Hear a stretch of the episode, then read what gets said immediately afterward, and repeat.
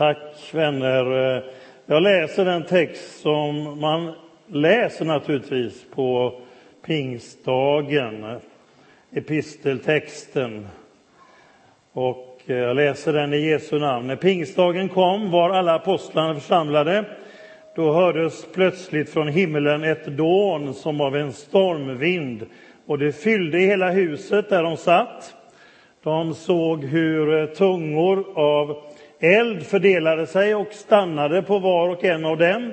Alla fylldes av helig ande och började tala andra tungomål med de ord som anden ingav dem. I Jerusalem bodde fromma judar från alla länder under himlen. Och när dånet bjöd samlades hela skaran och förvirringen blev stor. När var och en hörde just sitt språk talas. Utom sig av förvåning sa de, men är de inte galileer allesammans, dessa som talar? Och galileer, det var de som inte var så hög social ställning och inte ansågs så välutbildade riktigt i landet. Och, så de var makalöst förvånade att de var från Galileen också dessutom. Eh, är de inte det? Hur kan det vara så att var och en av oss hör sitt eget modersmål talas?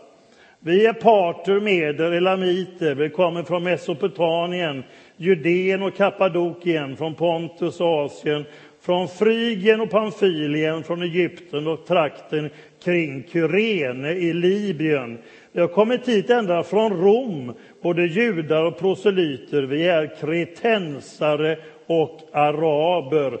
Ändå hör vi dem tala på vårt eget språk om Guds stora gärningar. Herre, tack att du vill tala till oss genom ditt levande ord.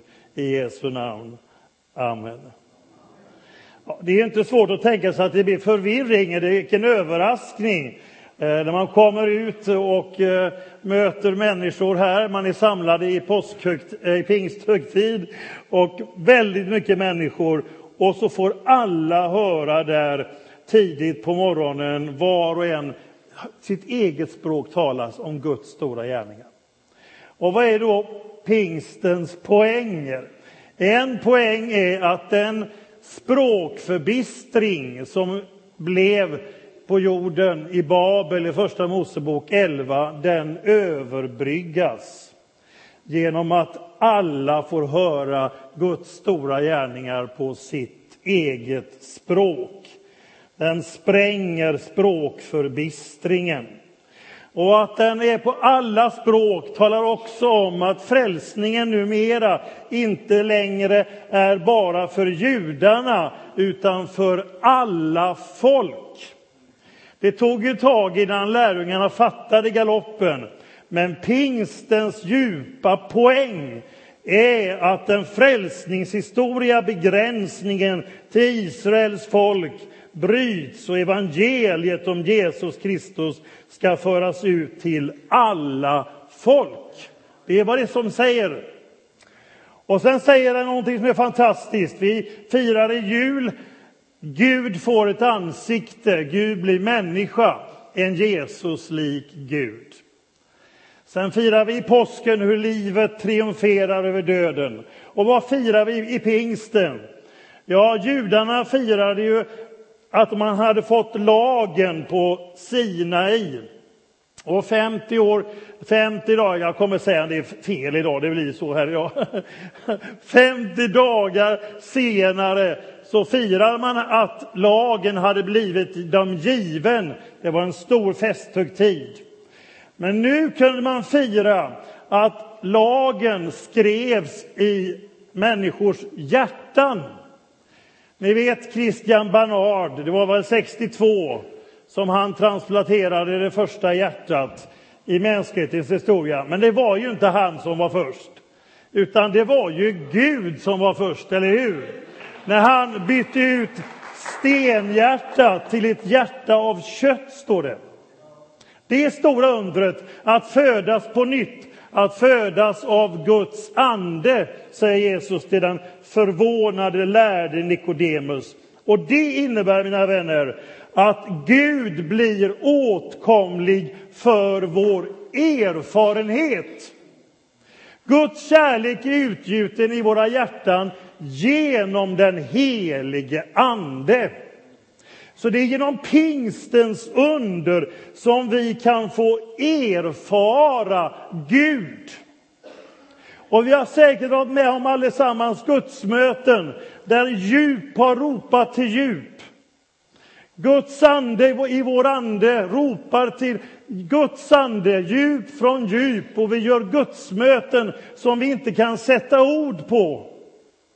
Vinden blåser vart den vill, du hör dess sus, du vet inte varifrån den kommer eller vart den är på väg. Så är det med var och en som är född av Anden. Och vi upplever Andens vind.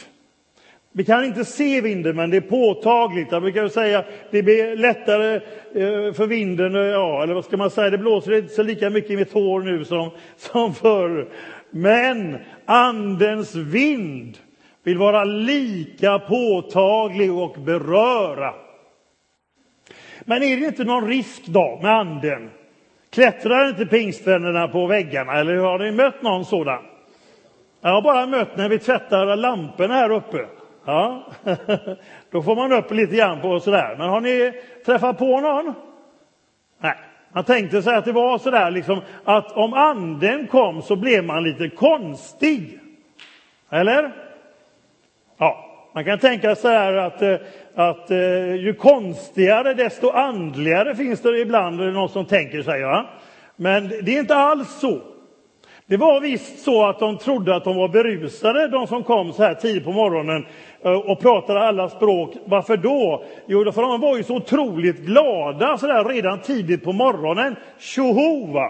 De var gasade verkligen i den heliga ande, så det var inte konstigt att de frågade är ni berusade.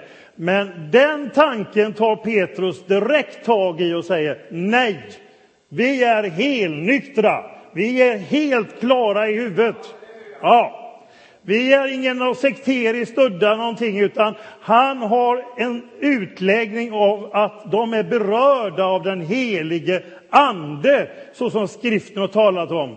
Och sen håller han en mästerlig, intellektuell, klar predikan, skärpt, så att 3000 människor kommer till tro och den första församlingen bildades. Så det var inga snurrigpettrar, mina vänner, utan om vi ger oss hejdlöst åt Gud och Guds ande så blir vi verkliga och sannare människor när vi ger anden utrymme. Och Stanley Jones, som jag tycker så mycket om, den indiske metodistmissionären som är hemma hos Herren, han skriver så här att Gud är verkligen en Kristuslik Gud och anden är en Kristuslik ande. Ni vet att Jesus säger, jag ska sända, be Fadern sända er en annan hjälpare, alltså en av samma slag som Jesus.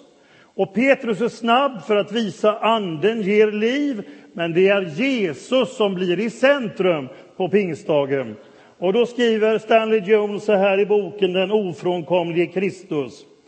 Om anden är en Kristuslik ande så finns då samma innehåll i karaktären kommer att finnas i båda, som i Kristus, som i anden. Om sålunda anden lever i oss så kommer han inte att göra oss annorlunda än Kristuslika. Andens frukter är Kristi dygder, så citerar en tysk teolog, Schleiermacher. Om vi görs annorlunda än Kristuslika så är det någon annan ande som regerar oss. Svaghetens, dårskapens eller sektväsendets ande. Inte den helige Ande, ty Anden kommer inte att göra oss annorlunda än Kristuslika. Så vi kan, vi kan slappna av alltså.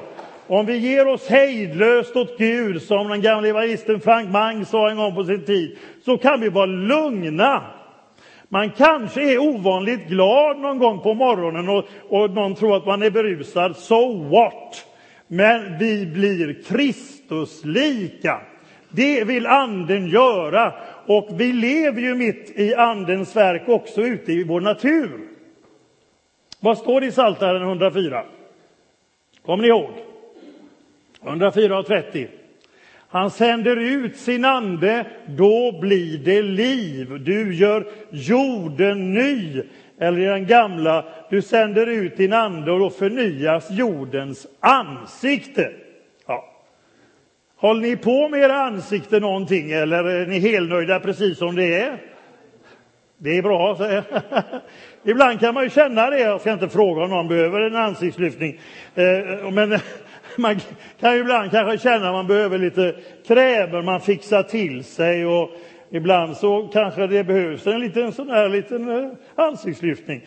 Men när allt det som vi gör blir så bra det bara kan bli så måste vi ju säga att den ansiktslyftning som naturen genomgår varje vår, den slår vi aldrig. Nej, det kan vara brunt och grått och dött och se ut på alla möjliga sätt. Och så kommer ljuset och värmen, men det räcker inte som förklaring. Därför att när jorden var öde och tom så står det i skapelsen att det kom en gudsvind som svepte fram. En livgivare kom, den helige Ande. Och hebreiskan står det att den helige Ande ruvade över skapelsen, precis som en höna ruvar över äggen och så frambringar det liv. Och vi går ut i miraklerna och jag njuter. Jag är allergiker, men jag njuter och tackar Gud för när björken blommar och jag blir gör i mina ögon. Men det spelar ingen roll. För jag går ut i Guds mirakel och det är samma ande som Gud vill förnya oss med. Guds livgivande ande som kommer med kraft till var och en. Och anden är på ett särskilt sätt kraftgivare till vad då? Ja, vad hade hänt med den här skaran som eh, var där om inte anden hade kommit?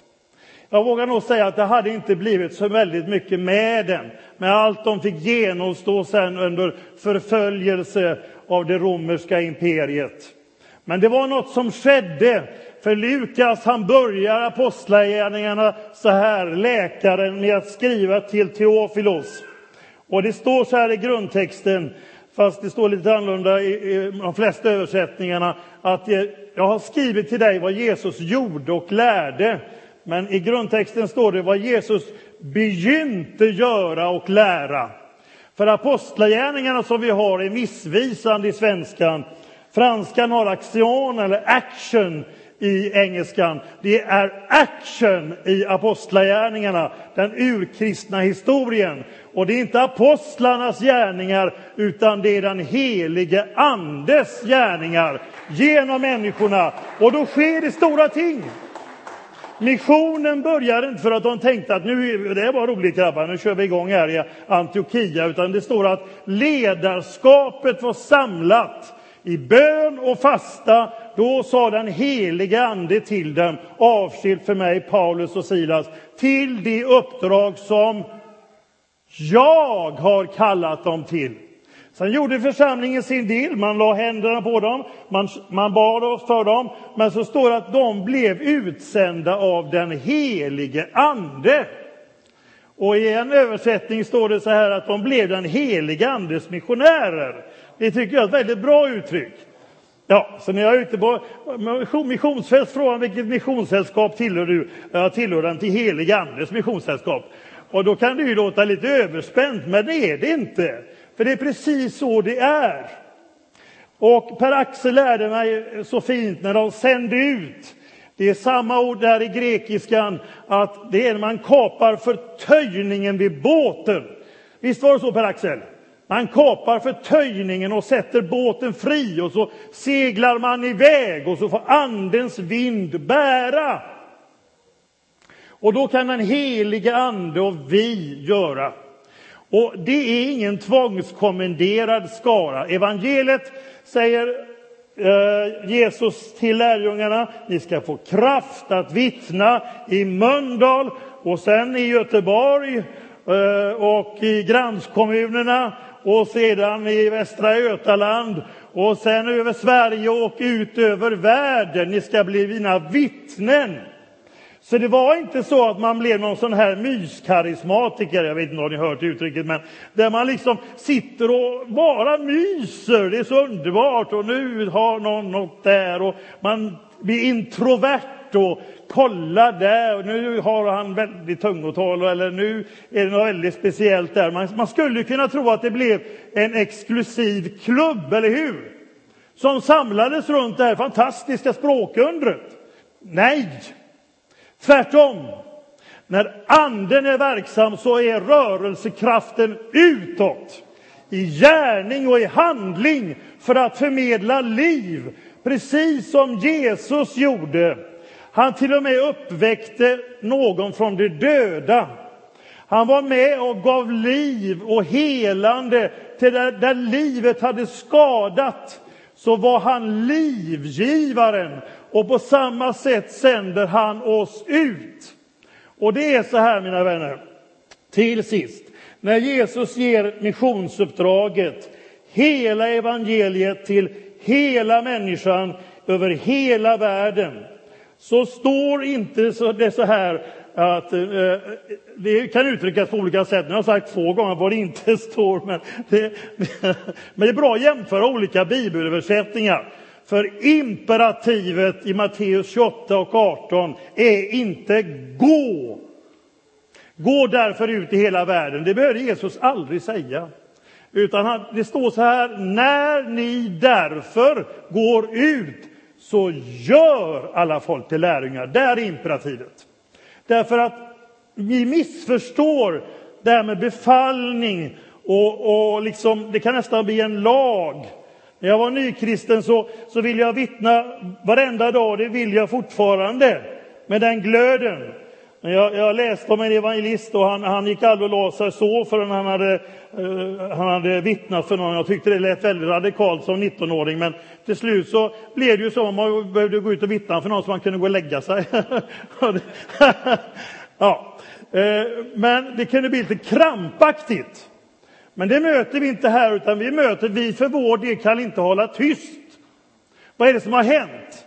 Jo, det är pingstens utflöde. Missionen är en gåva, det är inte ytterst sett en handling från vår sida, utan närvaron av en gudomlig kraft. Den heliga Andes kraft, och då blir det mission av bara farten. Jesus behöver inte säga nu måste ni gå ut. Därför att om kyrkan och församlingen är öppen och trofast mot Guds ande så blir det mission. För det är den helige ande som är missionsdirektorn, mina vänner.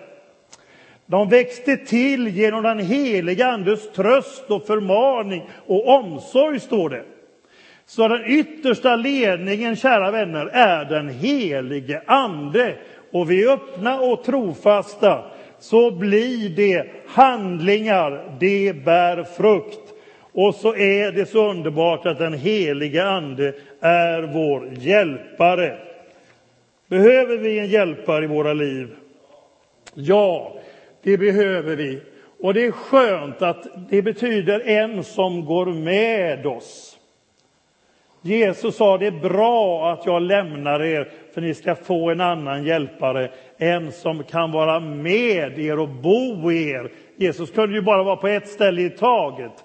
Men nu genom den helige Ande, vår personlige hjälpare och vägledare och ledsagare, så vill han använda dig och mig och bruka oss. Och i alla, det här ska jag se, för det här har jag skrivit ner så jag får det riktigt sagt. Eh, I allt tal som man kan ha, och viktiga samtal om strukturer och ledarskap, organisationsformer, lovsångsstilar och gudstjänstformer, så är det självklart så att det är den här berättelsen i Apostlärningarna 2, det den handlar om, som vi behöver allra mest.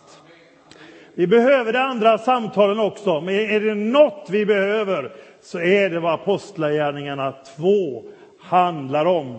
Där den helige Ande får beröra sitt folk med sin livgivande kraft. Amen.